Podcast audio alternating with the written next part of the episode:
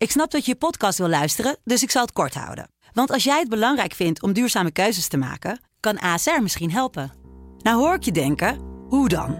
Nou, bijvoorbeeld bij het duurzaam herstellen van schade. Of de premies die we beleggen volgens ons duurzaam beleggingsbeleid. Dat bepaalt waar we wel en juist niet in investeren. Wil je meer weten over welke duurzame keuzes ASR maakt? Ga dan naar asr.nl/slash duurzame keuzes. ASR doet het.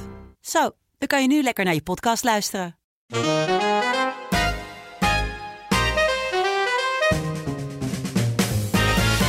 Welkom bij een speciale editie van het Blinde Vlekkenkwartet. Mijn naam is Zoe Papa Economou, onderzoeksjournalist en schrijver.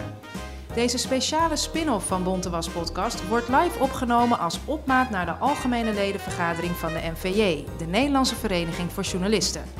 Mijn co-host en partner in crime, Wansi Muller, is er dit keer helaas niet bij, want zij presenteert straks haar uitzending op Radio 2. Samen met drie gasten uit de journalistiek bespreek ik blinde vlekken in de media van de afgelopen tijd als het gaat om diversiteit. Maar we bespreken natuurlijk ook positieve voorbeelden. Bij mij te gast zijn Vanessa Akka, DJ bij de Randstedelijke Jongere Radiozender Funix. Wensley Francisco, documentairemaker en eindredacteur bij KRO NCRV. En Manon van den Brekel, bestuursvoorzitter Vers in de Pers en freelance journalist. Vanessa. Ik werk als radio-dj bij Vanix en dat doe ik nu sinds een uh, half jaar. Ik werk al drie jaar voor Vanix. Ik, heb, uh, ik ben begonnen als reporter, dus dan ben je verslaggever, ga je op de straat op, mensen op straat interviewen um, of op locatie bij een evenement daar verslag van doen. Um, ik heb dat altijd met veel plezier gedaan, maar op een gegeven moment kreeg ik de vraag of ik dus het middagprogramma zou willen presenteren met een andere collega, want we zijn een duo. En toen dacht ik, hm, dat is misschien wel iets voor mij. Dus toen, dat ben ik dus nu aan het doen. En uh, ik geniet daar nog elke dag van. Ik leer daar heel veel. En ik zie wel hoe ik mezelf daarin verder ontwikkel. Maar het plan is wel om me verder te ontwikkelen. um, en daarnaast werk ik als co-host dus bij Spot On. Dat is een uh, ja, YouTube-pagina voor vrouwen, door vrouwen. We bespreken vrouwenzaken, zoals menstruatie. Gaat natuurlijk ook mannen aan, maar uh, we bespreken het dan wel met vrouwen. Uh, maar het kan ook gaan over uh, haar. Het kan ook gaan over ja, maatschappelijke issues. Bijvoorbeeld iets wat we op tv hebben gezien. Uh, dat is heel breed eigenlijk. Um, ja, dat is eigenlijk wie ik ben en wat ik op dit moment doe. Super, Wensley. Ja, ik ben op dit moment dus eindredacteur en op de innovatieafdeling, waarbij ik dus ja, formats ontwikkel of documentaires ontwikkel. En um, ja, die begeleid ik dan of die maak ik dan uiteindelijk zelf bij uh, de Caro NCRV. Ik heb hiervoor ook vijf jaar bij uh, BNN-VARA gezeten, waarbij ik uh, ook documentaires heb gemaakt. Ik heb sembla's gedaan. En um, ja, om dan iets verder terug de geschiedenis in te gaan. Ik heb een militaire achtergrond. Ik ben, ben 13 jaar lang militair geweest, infanterie. En um, vanuit daar heb ik de gelegenheid gekregen dus om te studeren um, uh, uh, op redacties, uh, weet het, stage te lopen, noem maar op, en zo uit te groeien. En toen dacht ik dus met um, zo'n diverse achtergrond, um, ik kom ook uit de provincies, ik kom uit Tilburg, om dat te laten zien van, ja, wat is in mijn ogen de echte Nederland en, en, en hoe ziet dat eruit? En dat heb ik dus gewoon als missie genomen om dat in mijn documentaires te laten zien of formats die ik ontwikkel. En dat gaat goed en ook heel vaak niet. Dankjewel. Manon? Um, ja, ik ben dus voorzitter van uh, Vers in de Pers, de jongere tak van de NVJ. Um, en waar wij ons heel erg hard voor maken is inclusie uh, in de journalistiek en diversiteit. Um, qua werk, uh, ja, ik ben schrijvend journalist. Dus ik heb een tijdje voor het Eindhoven Dagblad gewerkt. ik doe graag onderzoek, heb ik voor de correspondent gedaan. ja, ik verdiep me graag in het koloniale verleden van Nederland. Dus daar gaat mijn onderzoek ook vaak over. Ja, dat. Nou, je zegt uh, uh, Vers in de Pers vindt diversiteit en inclusie heel erg belangrijk. Hoe staat het met diversiteit en inclusie bij de NVJ? Um, ik denk dat we nog wel wat te winnen hebben, uh, om het netjes te zeggen. ik denk dat we qua gender, als we kijken naar de diverse besturen, dat we um, best redelijk 50-50 zijn. veel vrouwen, naar mijn gevoel. Um, in ieder geval niet heel erg ondervertegenwoordigd. Ja, qua kleur kunnen we nog wel um, nou ja, wat ik zeg, heel wat winnen. Uh, we hebben heel veel witte besturen. Um, nou ja. Dat gaat dan over representatie. Dat Ja. is natuurlijk heel belangrijk. Maar als je het hebt over inclusie, is er, is er ook ruimte voor al die perspectieven? Ehm, ik denk dat het er steeds meer komt. Ik merk wel dat wij ehm, als jongerenbestuur echt de ruimte krijgen om ehm, nou ja, kritiek te geven of onze visie te laten zien, ook bij het hoofdbestuur. Ehm, dus ja, ik denk wel dat, dat, ik denk dat daar wel iets in beweging is. Zeker, ja. En hoe zit dat bij de KRO en CRV? Ehm, bij de KRO en CRV zijn we heel erg eh, mee bezig. Eh, eh, ehm, de intenties zijn goed, zeg maar. En, en ehm, met, ja, dat merken dus aan, aan de verschillende eh, programma's zoals Spot. Dus dat ze echt gewoon, ja, die maken echt gewoon qua, qua kleur en, en, en qua vrouw zijn, noem maar op. Dus dat, qua dat als diversiteit doen ze het echt gewoon heel goed. En ze hebben ook een groot bereik. Wat ik merk dus met de documentaires die ik pitch, die echt gewoon te maken hebben dus, dus met diversiteit. Dat begint steeds meer geaccepteerd te worden, begint steeds meer ehm, naar geluisterd te worden. Het is nog steeds altijd heel moeilijk om te pitchen, want dan moet je dan echt gaan denken van oké, hoe kan ik dit uitleggen zodat zij het begrijpen en zichzelf erin kunnen herkennen en dan dat je een go krijgt. Dus het is altijd een heel erg denkproces wil je zoiets gaan doen. Kan je daar een voorbeeld van geven? Want ik denk dat is ook wel, ja, ik denk echt, sla je wel een spijker op zijn kop. Want dat heeft ook echt te maken met die verschillende perspectieven. Dus Ja. eigenlijk zeg jij, ik, ik, als ik iets moet pitchen, Ja. dan, dan, dan doe ik het door een soort was, nou ja, om het in het thema te blijven, een soort wasstraat, zodat het meer kans maakt. Hoe gaat dat? Als ik wat verzin, dat, dat gaat, laten we zeggen, over Suriname, dat gaat over de Antillen of zo, dan moet ik dan gaan denken van, oké, echt gewoon letterlijk, is dit te zwart? En als ik het eh, ook ga brengen, ja, als ze zich er niet, niet mee verenigd voelen van, ja, dit, maar dit is echt een black issue, dan weet ik dat niet doorheen komt. Bijvoorbeeld, ik ben nu met een documentaire bezig over de LGBT-gemeenschap op Curaçao. En eh dan ga ik dan kijken van, oké, dit is wel iets dat heel belangrijk is, ook voor de gemeenschap zelf. Maar hoe krijg ik het er doorheen, zodat het niet zo is, van, het is een ver van mijn bedshow. Nou, dus hoe bereid ik mijn pitch voor? Dan moet ik alsnog heel hoog opgeleide mensen eerst beginnen met de uitleg van de Nederlandse Antillen is niet meer Antillen, maar hoort bij Nederland. Oh, oké. En dan gaan we dan verder en dan ga ik het proberen te betrekken als in hoe werken de wetten hier en hoe hoort dat daar te werken. En dan hebben ze iets van oké, de wetten Nederlandse Antillen gelijk en dan drop ik het van oké, dit is de documentaire dat ik wil maken. De wetten die hier zijn gesteld in 2001, die ehm, worden nog niet daar op die eilanden helemaal gehanteerd. En dan gaan er belletjes rinkelen over wat ik wil maken. En dan is Nederland, laten we zeggen, als moederland daarbij betrokken. En dan eh, eh, krijgt het dus een makkelijkere doorgang. Dus, en dat is dus de waslijst aan dingen die ik moet denken voordat ik wat pitch. Van oké, hoe kan ik dit zo herkenbaar mogelijk maken dat het niet overkomt als een soort van ver van mijn bedshow of eh, ja, het is een niche. En die, want je, je, je, ze had het net over goede intenties. Nou, die kennen we allemaal. We kunnen zeeën vullen met eh, goede intenties. Maar wordt dat dan ook echt ehm, omgezet? Want er zijn, je geeft een aantal goede voorbeelden van hoe de Ja. KRO-NCRV bezig is. En we hebben het nu over KRO-NCRV, maar geldt denk ik voor meerdere roepen, omroepen. Hoe worden die goede intenties omgezet of waarom lukt dat dan niet? eh, die, die goede intenties die zijn er, ze willen het, maar het is op een gegeven moment dus als eh, het bedrijf, zeg maar nog, eh, te veel op de men, ja, nog te wit is, dan kun je wel die goede intenties hebben, alleen dan krijg je het niet doorheen. Dus je moet het op een gegeven moment gaan vermengen. Dus dan moet je daar eerst mee beginnen, van wat zijn de programma's die we kunnen doen, hoe gaan we dus met ons eh, aannamebeleid bezig zijn. En dat zijpelt zich dan door inmiddels in de programma's. Maar dan moet je dan niet, laten we zoiets hebben van, eh, we nemen er maar één aan, want die heeft dan helemaal geen zeggenschap. Twee, nou oké, ik heb een partner. Maar ehm, drie, vier of meer, dan pas kun je op redacties echt verandering brengen en zorgen dus dat er ook geluisterd wordt naar die vrouwen, mensen met kleur, noem maar op. Dus dat ze echt gewoon met aandacht en, en, en serieusheid luisteren naar de items die ze pitchen. Want een heleboel niches bij elkaar is op een gegeven moment ook iets heel groots. En dat vergeet men natuurlijk altijd. Mooi gezegd. Vanessa, Funix, hoe is het daar gesteld met diversiteit en inclusie? Funix is, eh Funix is echt divers.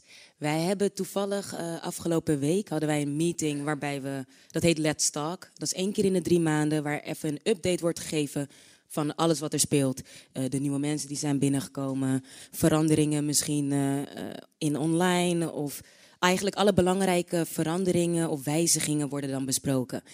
En daar is iedereen zeg maar bij. En we zijn met, mm, ik denk een man of 70, 80 maximaal ongeveer. En dan, dat is dan alles. Dan hebben we ook techniek, uh, de redactieleden, de DJ's, uh, de mensen van beeld, dus die video's maken. Dat is gewoon echt alles. En ik keek om me heen en het viel mij toen heel erg op van... hey, ja, het is oprecht een heel divers bedrijf. Want het is divers uh, in man en vrouw. Want het is letterlijk gewoon, je hebt mannen en je hebt vrouwen. Dat is heel erg, ja, 50-50, zeg maar. Daarnaast viel mij ook heel erg op dat we ook in kleur heel divers zijn. Um, we hebben gewoon Nederlandse um, mensen bij ons, Nederlandse mensen bij ons werken die blond zijn met blauwe ogen. Maar we hebben ook mensen zoals ik daar werken, die dus donker zijn en een andere achtergrond hebben. Ik ben um, Ghanese, of tenminste, mijn ouders zijn, uh, komen uit Ghana en ik ben geboren gewoon in Nederland. We hebben mensen binnen het bedrijf die Marokkaans zijn, die Pakistan zijn, die Amerikaans zijn. We hebben echt letterlijk alle soorten mensen. Maar ook, waar diversiteit ook best wel goed vertegenwoordigd is, vind ik, is de LGBTQ. Um, in die groep, ook daar zie je ook op de Fanny's redactie, we hebben gewoon mensen die misschien uh, uit Egypte komen of weet je, Egyptische ouders hebben, maar ook gay zijn. Of um, Marokkaan zijn en lesbisch. We hebben echt oprecht denk ik van alles. En dat komt gewoon ook in leeftijd heel jong. We hebben mensen die stagiaires van 17 rondlopen. Maar we hebben ook mensen van 40 rondlopen. Zo oud. Ja, hij is zo oud. Oei. Nee, ik, zei niet, ik heb niet gezegd dat dat jong of oud is.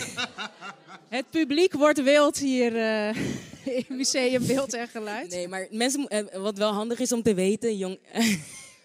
We moeten even het publiek tot bedaren laten komen van deze opmerking. Ik voel me als 37-jarige nu ook echt, uh, als ik mijn wandelstok erbij moet gaan pakken. Nee hoor, ik begrijp wat je bedoelt. Het is natuurlijk een, een jongere zender. Dus ik denk dat als, als het een jongere zender is, of wat voor zender het ook is, je moet wel de doelgroep vertegenwoordigen door de medewerkers die er werken. Waarom? Wij, omdat ik zelf al de doelgroep ben. Ik luister al bijvoorbeeld de Phonics muziek. Ik lees al over bepaalde onderwerpen die we bespreken. Dat zit al, is al mijn interesse. Um, dat maakt het makkelijker. Um, we weten al wat er speelt, we weten wat onze luisteraar interessant vinden. Uh, want eigenlijk staan we tussen de luisteraar in. Wij zeggen ook altijd bij Vanix dat uh, we praten niet over je, we praten met je. Het is een community.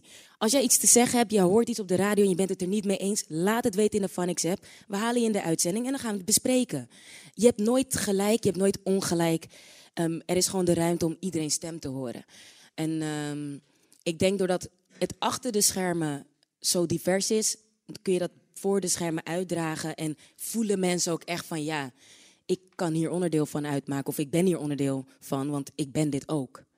Ja. nee, ik zou echt nog duizend dingen willen vragen, maar ik heel dank hiervoor. Ik denk dat dat heel veel wat je nu zegt ook heel erg duidelijk weergeeft wat inclusie ook is. Dat die ruimte er is voor die stemmen, dat je niet gelijk of ongelijk hebt, dat er, dat er meerdere normen zijn, uh, meerdere realiteiten. Uh, maar we, we, willen natuurlijk het Blinde Vlekken Kwartet spelen.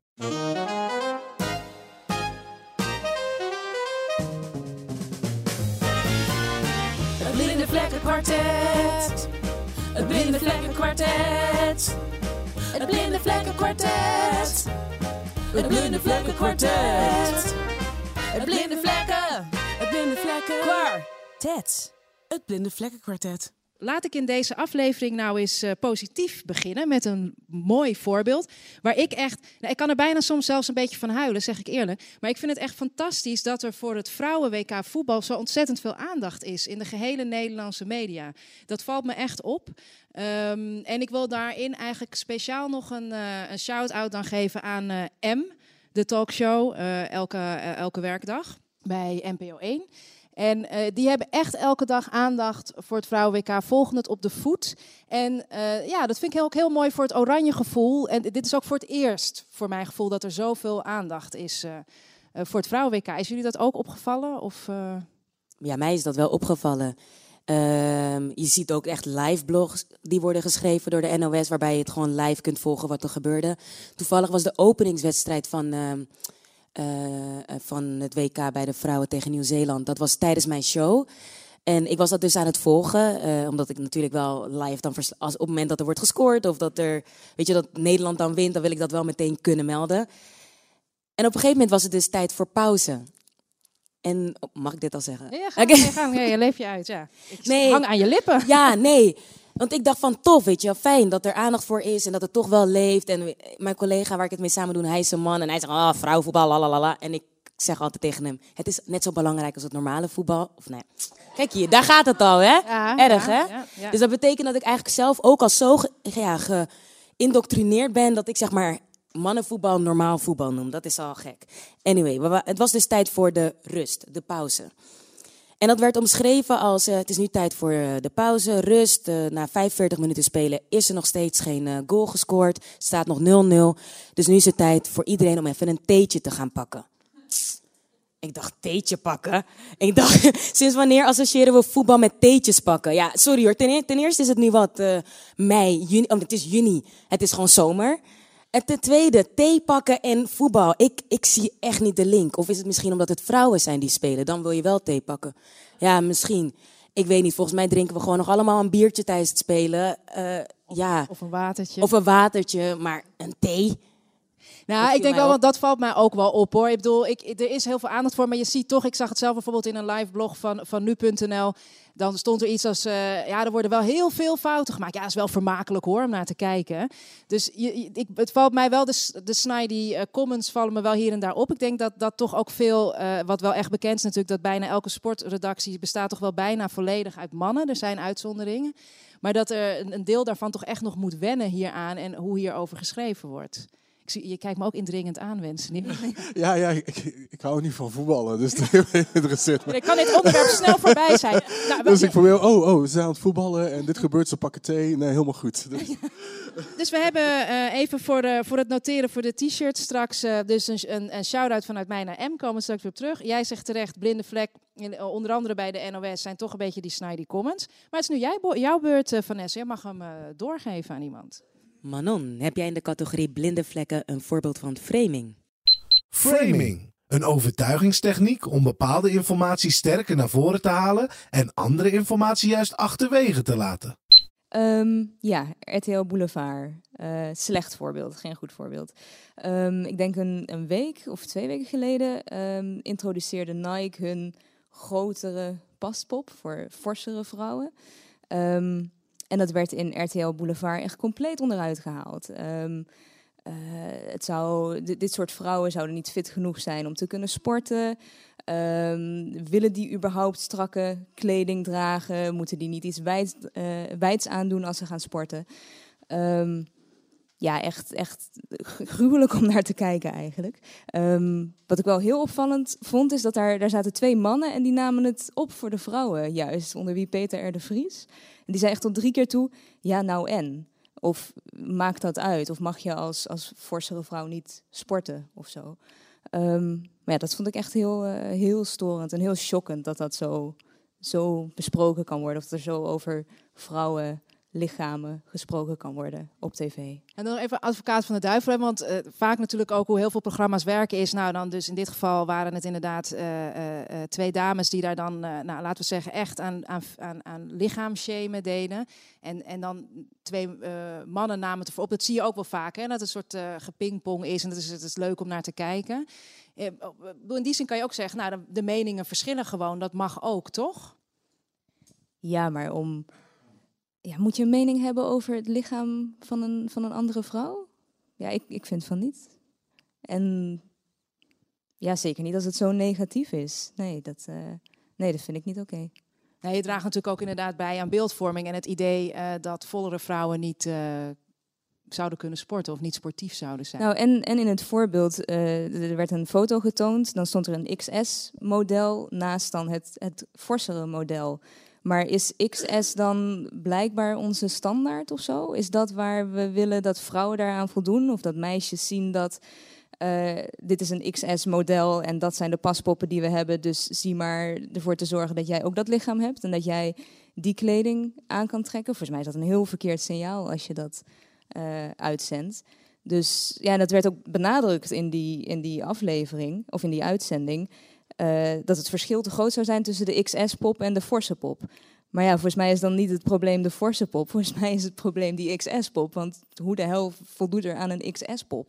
ja, volgens mij maar 2%. Ik heb daar laatst ook een eh, stuk over gelezen. Dat dat, eh, 2 procent. Maar dan is het toch ook heel raar om te zeggen, die, ehm, die wat forsere pop, dat is een maatje meer, noemen we dat. Ho hoezo is XS niet een maatje minder?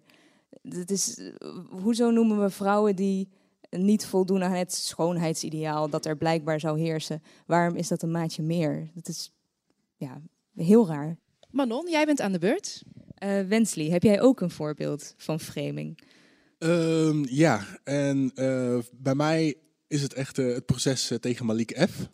Die al een tijdje bezig is, die maar niet, die ja, eigenlijk gewoon alle tekenen die er zijn, is dus dat die man waarschijnlijk door zijn vlucht vanuit Syrië hierin, uh, oftewel PTSS heeft opgelopen. In ieder geval iets mentaal uh, dat dat fout is gegaan. En dat de media er toch nog in blijven hameren. Dus of het nou een laatste blok is dat geschreven is of wat dan ook, dus over hem. Dat die hoe dan ook uh, dat we duidelijk moeten maken van ja, er zit misschien een terroristisch tintje aan. Dus, dus alle tekenen daarvan van ja, luister, als je die, die man die zegt gewoon, ik, de vogels hebben mij een opdracht gegeven om een verschrikkelijke daad uit te voeren. En van alles, dus als je dat maar leest, dus dan lees je dat, je leest het proces. En of je het nou op NOS leest, of je het nou uh, uh, de Telegraaf, wat dan ook, het eindigt altijd vooral in de broodtekst van ja, waarschijnlijk is er iets niet goed met hem, maar het kan ook nog terroristisch zijn. Dus hoe dan ook, als je bent gevlucht vanuit Syrië, je bent een vluchteling, je komt aan, je pleegt dus een daad dat, dat ja, weet je, een moord of wat nou iets heel fout, dan is het altijd van ja, als je die drie bij elkaar optelt, ben je hoe dan ook een terrorist. En ook al ben je niet goed bij je hoofd, ja, PTSS, ben je alsnog een terrorist. En ja, dat vind ik gewoon niet, niet kloppen. Dus er moet gewoon veel beter bericht worden over de mentale staat van die man. Hoe is hij tot die daad uh, gekomen? Wat gaat er in hem rond? Om in plaats van de hele tijd te benadrukken van er kan nog een terroristische daad aan zitten. Van willen wij dat heel graag of zo als zoiets gebeurt? Um, uh, wat, wat, wat willen we daarmee bereiken eigenlijk? Wil, dat, ja, ik weet niet, ik kan, ik kan niet bevatten, zoiets. Nou, ik ben heel blij dat je dit voorbeeld geeft. Want iemand die uh, wel de luxe heeft van wie de hele mentale gesteldheid uh, is uitgezocht, uh, dat is Thijs H. dat is natuurlijk ook recentelijk iemand geweest die drie mensen heeft vermoord. En de Volkskrant, er waren meerdere kranten in dit geval, ook online platformen, maar de Volkskrant had de volgende kop. Thijs H., een doodgewone, leuke, slimme jongen die nu wordt verdacht van drievoudige moord. En ik kan me ook nog de koppen wel herinneren van, van Malik F. in de tijd dat het net gebeurd was. En daar, dat ging alleen maar over terrorisme. Um, als je het over othering hebt. Othering. Iemand tot de ander maken.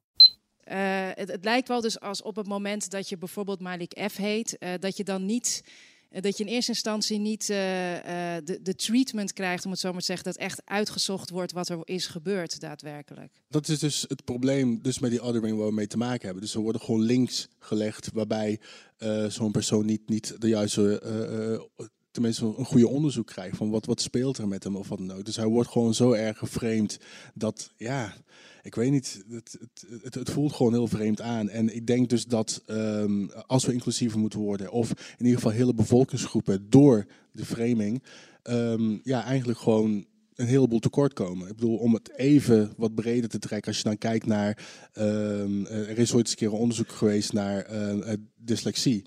Waarom hebben praktisch alleen maar blanke kinderen dyslexie? Ja, nou, omdat we gaan ervan uit, als het nu goed gelezen kan worden, zal vast dyslexie zijn.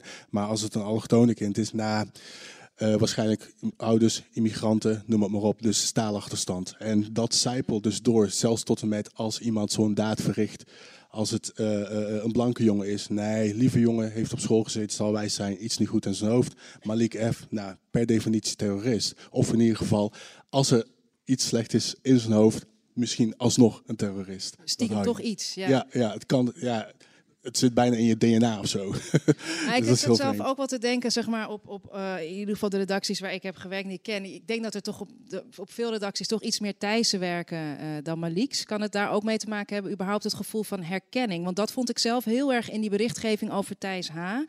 Uh, los natuurlijk is het net als bij Malik F. Het is natuurlijk heel belangrijk dat uitgezocht wordt hoe iemand tot een daad komt. Dat snap ik natuurlijk wel. Maar ik, ik voelde die herkenning veel meer. Uh, en de behoefte om te verklaren waarom een, een Thijs H., die modelstudent, las ik ook ergens. Ja, het heeft te maken, dus als je zoiets hoort, dus hoe begin je dan je onderzoek? Dus als je jezelf niet herkent en die jongen vrouw of wat dan ook, heeft een Arabische of uh, andere type naam, dan begint je onderzoek eerst van je hoort Malik F. Is het een terrorist? Dus je begint eigenlijk je onderzoek al met oogkleppen op. Want je gaat zoeken naar is hij een terrorist en alles laat je daar buiten. En ehm, eh, zo'n eh, eh, student, daar heb je zoiets van, oké, heeft drie mensen vermoord. blanke jongen, oh, het zal vast wel een gekkie zijn. Dan gaan we gelijk met zijn mentale gesteldheid bezig. Dus dat inderdaad, die herkenning, dat is er dan niet. En ik denk dat als je gemengde redacties hebt, dan heb je dus een ander uitgangspunt, denk ik. En dan zul je dus tot andere conclusies komen, vaak. Merk je daar een verschil in, Vanessa, eh, bij, bij Funix? Ik weet niet of jullie hierover hebben bericht, maar, maar zou dat bij jullie, eh, nemen jullie een ander uitgangspunt, denk je? Kijk, door, ik denk dat doordat we allemaal zo verschillend zijn, houden we elkaar ook scherp.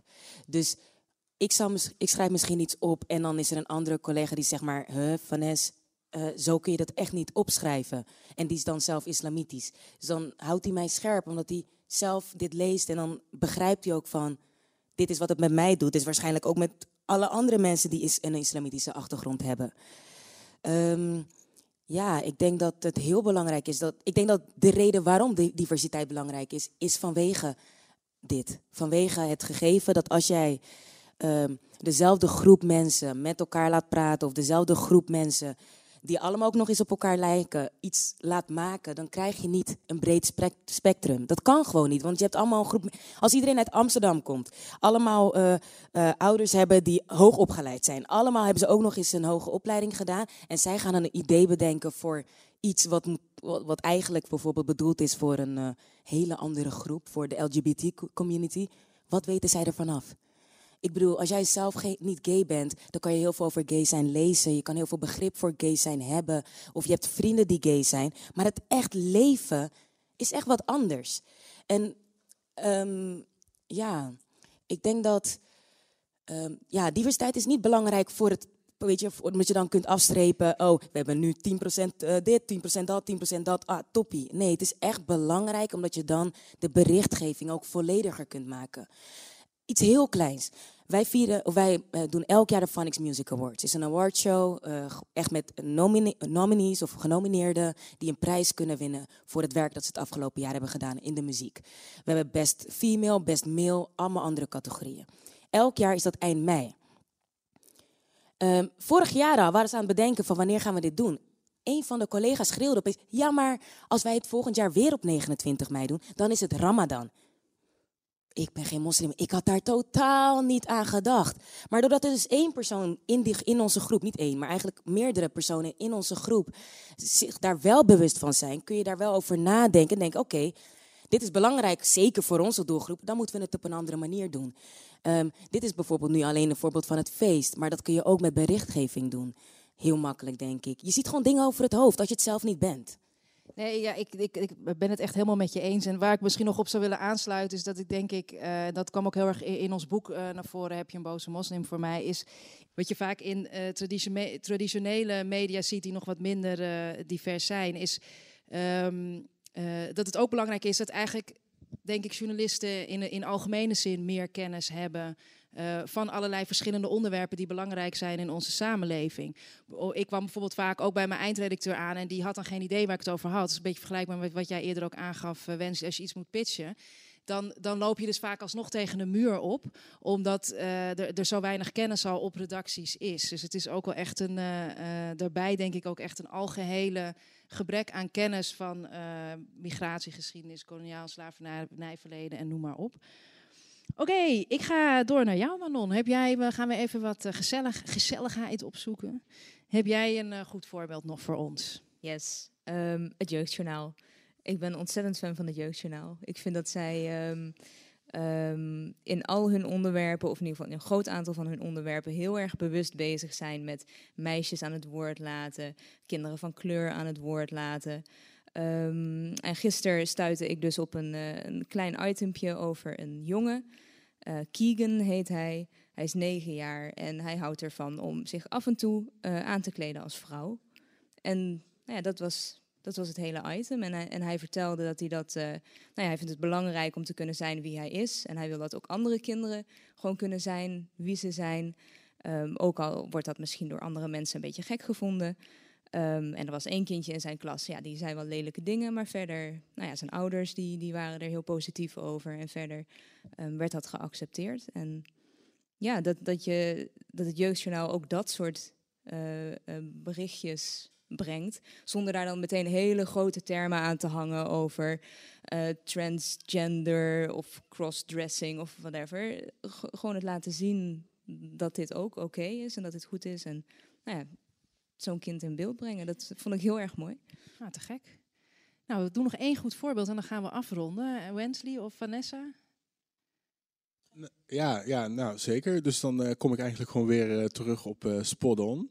Dat vind ik, ja, ja, nee, dat vind ik echt, eh, echt heel leuk. Want ze hadden een keer een, eh, ook een item over menstruatie en dan eigenlijk gewoon hoe eh, eh, eigenlijk de verschillende culturen daarmee omgaan. En ja, ja ik, ik, ik volg het en het, ik wist echt niet. het is, dus het is heel erg eh, gewoon dat ik daarvan eh, denk van, oh oké, dus zo gaan, eh, laten we zeggen, Nederlandse witte meisjes mee om. Zo gaan ze dat in Suriname mee om. En hoe is het om dat dan in één keer in de klas. Ja, het is natuurlijk ja, best... Ik, ben een man, dus ik, ik, heb die, ik, heb er nooit bij nagedacht van oeh, sla ik word ongesteld voor het eerst in de klas of zo, of wat dan ook. Dus dan ga je dan over die dingen nadenken van wow, ja, dat, dat lijkt me ook echt best heftig als je dat allemaal meemaakt en doet. En zo inclusief en toch wel gewoon gelijk heel open met respect voor alle culturen. En dan denk ik echt van ja, ja dat, dat eh, eh, eh, vind ik wel goed en dat zou ik ook wel aan mijn dochter laten horen. En dan weet ik wat zij gaat doormaken. Of tenminste, ja, probeer ik dan. Het is ontzettend belangrijk dat daar, vind ik ook hoor, dat daar gewoon veel meer openlijk en, en publiekelijk over gesproken wordt. Want dan wordt het niet zoiets van, nou, ik ben ongesteld, ik ga even met mijn tampon. Nee, weet je, dat, dat, dat is denk ik heel goed. En ik ben blij dat jij daar als man eh, ook blij mee bent. Vanessa, je had ook nog een goed voorbeeld meegenomen. Fiets hem er nog even snel in en dan gaan we naar de t-shirt uitreiking toe. Ehm, ja, even snel. Ehm, Oké, ik heb een voorbeeld van Vanix. En niet van mezelf, maar dit is gewoon wat mij als eerste te binnen schoot toen ik hieraan dacht. Ik denk, ik geef jullie even een moment. Als, jullie na, als je nadenkt over rappers, waar denk je dan aan? Denk misschien, eh niet je, dure kleding, dikke auto's, geweld, pistolen, gangster shit, zeg maar. Gangster dingen. Tenminste, ik denk dat heel veel mensen die associatie hebben met rappers. Maar er kwam laatst een artikel op Vanix en ik dacht zelf van, oh, wow. Eh, er is een die ook gewoon liedjes maken die je gewoon in de club hoort. En waar het gaat over seks en waar het gaat over stoer doen en waar het gaat over dure kleding. Maar ondertussen, ze, ver- ze verdienen natuurlijk geld ook met, met hun werk als muzikant. En ze zijn zelf, waren dit twee jongens die allebei Surinaams zijn. Ehm, en, en die zijn dus blijkbaar een project gestart in Suriname om eh, buurten of dorpjes in de omgeving, net buiten Paramaribo zelf, dus buiten de hoofdstad, om dat te gaan verlichten.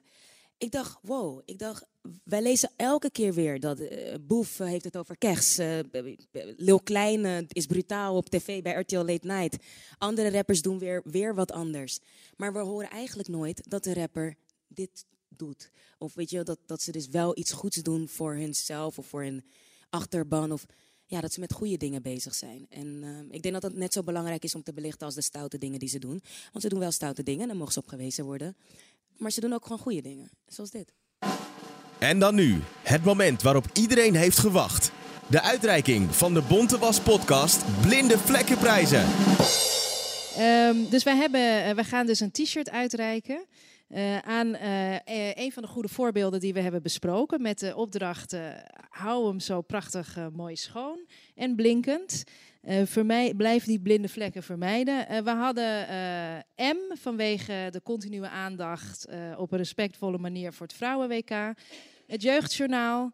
waar er aandacht was voor jongetje dat zich ook af en toe als meisjeskleren aantrekt. Spot on. lekker, lekker lullen over menstruatie, bloeden, al dat soort dingen. En eh, rappers die bij Funix ook eens een keer eh, eh, gewoon op positieve manier in, in het nieuws komen. Manon, ik begin bij jou. Ja, ik ben wel heel erg fan van Spot On ook. Hoewel ik natuurlijk zelf het jeugdjournaal heb ingebracht. Eh, laatste aflevering over bijvoorbeeld gemengde relaties. vond ik, ja, het is gewoon ontzettend fijn om te zien. Omdat je dat, waar, waar anders lees je daarover? Ehm dus ehm, ja, jeugdjournaal, maar ook wel Spot On. Dus Wensley? Ja, ehm, dan, ja, het jeugdjournaal vind ik, ja, tenminste vind ik heel.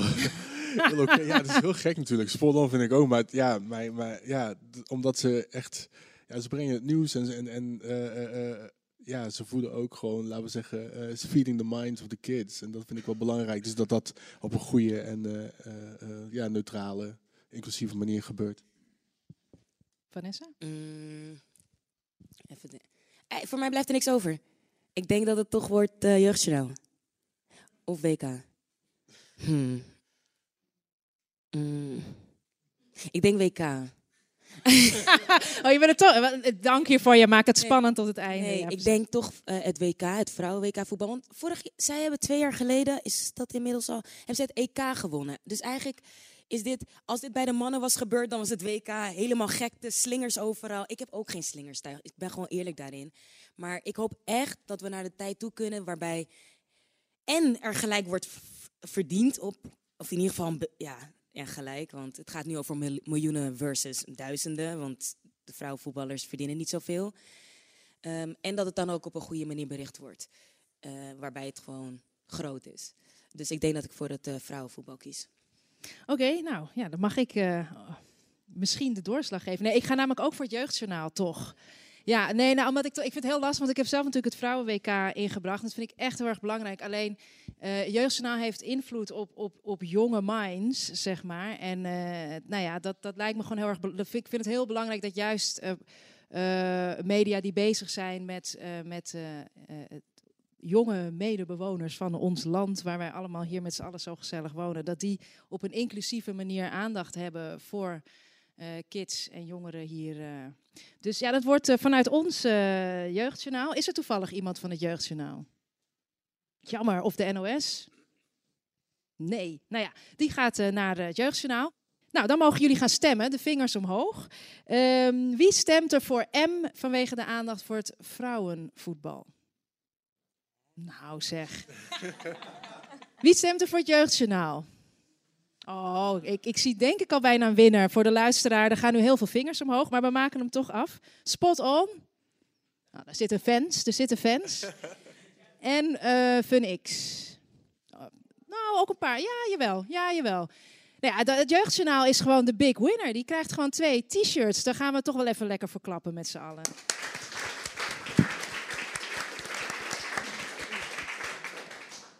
Goed, ik ga eh, het publiek bedanken die er vandaag was, eh, eh, erbij was bij het voorprogramma voor de algemene ledenvergadering van de NVJ. En natuurlijk mijn gasten. Heel fijn dat jullie er vandaag waren en over blinde vlekken wilden meepraten in het Blinde Vlekken Kwartet. Dit was een speciale editie van het Blinde Vlekken Kwartet, gemaakt in samenwerking met Vers in de Pers van de NVJ. Wil je meer afleveringen horen van Bonte Was Podcast? Kijk dan op nieuwwij.nl. En wil je meer weten over Vers in de Pers? Kijk dan op nvj.nl.